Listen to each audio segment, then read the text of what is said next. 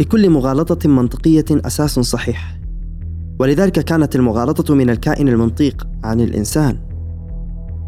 إن الأغلبية ليست محددة للحق. هذه فكرة واضحة. ولكنها تحتاج لتحرير أدق. ذلك أن كل العلوم كل العلوم حرفيا تستند في بنائها كله على الأغلبية إن بشكل أو بآخر. إنه ما من سبيل لمعرفة الصحة من المرض إلا بعد النظر إلى أغلبية أجساد الكائن الحي. ما من سبيل لمعرفة القانون الفيزيائي إلا بعد النظر إلى أغلبية التجارب ونتيجتها. إذ أننا نسلم بعدم إمكانية الاستقراء التام في مجال خاص البتة. لا يمكننا قياس مستوى الجاذبية في كل مليمتر في الأرض. ولكن يمكننا فعل ذلك على نحو إجمالي. وكذلك كل شيء يتعلق بالعلوم.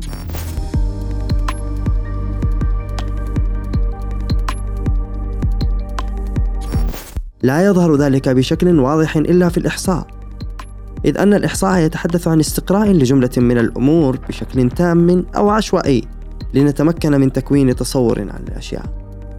اذا فإن الأغلبية مثلا ليست محددا للصحة في الأمور الأخلاقية والفكرية. ذلك أنها بالفعل محدد أساسي لكافة الأمور الطبيعية الأخرى. ونظير هذه الإشكالية في بقية المغالطات كثير.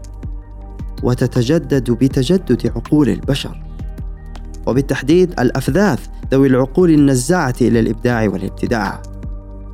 اذا فحتى القواعد الإجمالية عظيمة ورائعة. ولكنها قد تستخدم على نحو خاطئ. في مناطق لا تشملها من الأساس أو هي مستثناة منها. ولنقف هنا قليلا في تبيين الفرق بين ما أن تكون القاعدة تشمل امورا هي السين فقط. فهنا نقول إن القاعدة لم تتحدث أصلا عن صاد. وبين أن نقول إن القاعدة تشمل أمورا هي سين والصاد. ثم إن صاد مستثناة منها. فالأغلبية الفكرية لا تعني الصحة.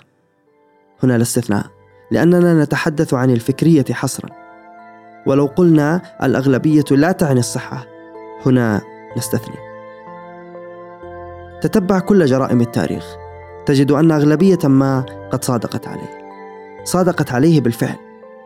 وفي الآية وإن تتبع أكثر من في الأرض يضلوك.